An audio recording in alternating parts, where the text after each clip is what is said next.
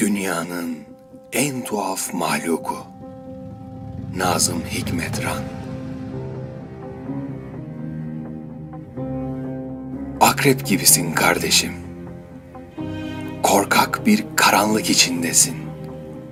Aynı akrep gibi. Serçe gibisin kardeşim. Serçenin telaşı içindesin.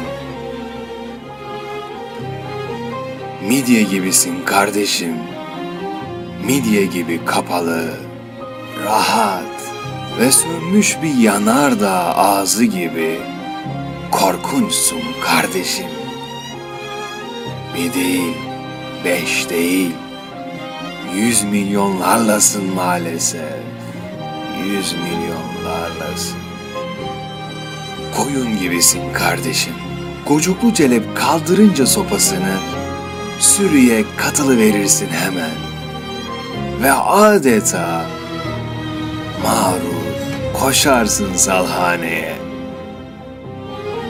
Dünyanın en tuhaf mahlukusun yani. Hani şu deryaya içri olup deryayı bilmeyen balıktan da tuhaf. O derece. Ve bu dünyada bu zulüm senin sayende.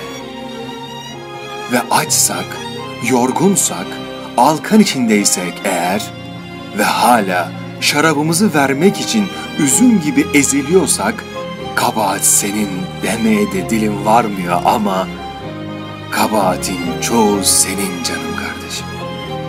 Kabahat senin demeye de dilim varmıyor ama kabahatin çoğu senin